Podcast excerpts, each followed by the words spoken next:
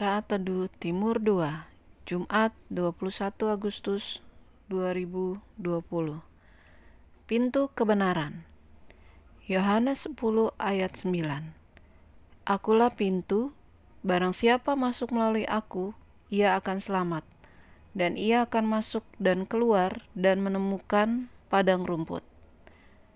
Saya teringat tentang sebuah permainan televisi Jepang yang pernah diputar di Indonesia. Salah satu permainan yang menarik adalah melewati jalan dan di ujung jalan itu harus dipilih sebuah pintu. Jika salah memilih, maka ada jebakan dan hanya ada satu pintu yang benar-benar jalan keluar. Mungkin di dalam hidup kita dipenuhi jebakan-jebakan kehidupan yang membuat kita merasa salah, tidak berhasil, frustasi, atau susah bergerak. Tidak berhasil keluar-keluar dari permasalahan, selalu berputar-putar di permasalahan terus-menerus.